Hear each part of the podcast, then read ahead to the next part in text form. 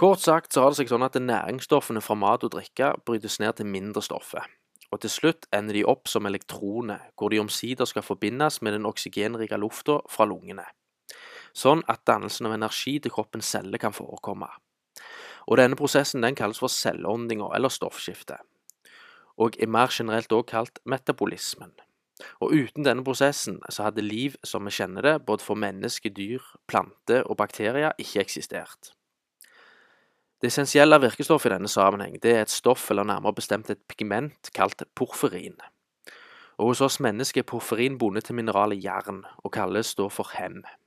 Og Hem spiller bl.a. en sentral rolle i elektrontransportkjeden, som jeg så vidt var inne på i forrige kjappis. Og Elektrontransportkjeden er siste trinnet i celleordninga eller stoffskiftet. Her finner vi noen hemholdige enzymer som kalles for cytokrom C og cytokromoksidase. Og Disse enzymene finnes i alle celler, både hos mennesker, dyr, planter og bakterier, og sørger da for oss å transportere elektronene som kommer fra næringsstoffene, til oksygenet, som da kommer fra lufta vi puster inn.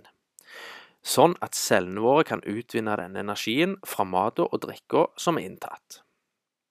Når det er sagt, pasienter som oppriktig puttes på respirator, og i særtilfellene der pasientenes lunge beskrives som om de er vridd på vranga eller putta på Mount Everest uten avklimatisering, skyldes overhodet ikke en infeksjonssykdom i det hele tatt.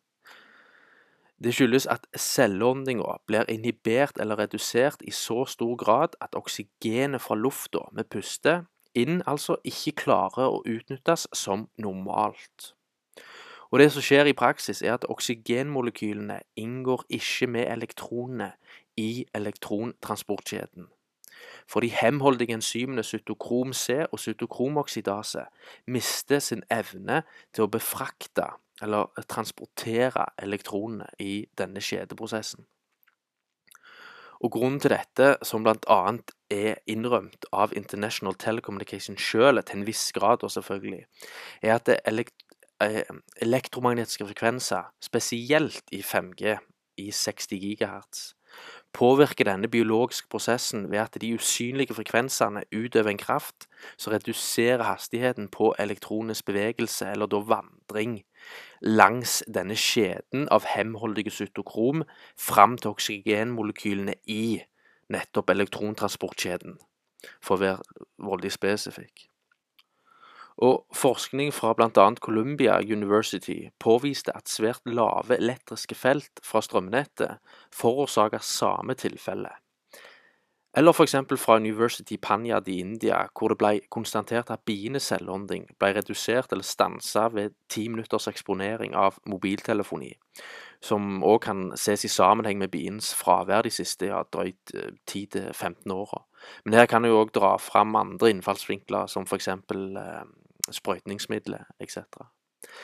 Og som tidligere nevnt, det eksisterer et hav av vitenskapelig forskning rundt dette temaet her.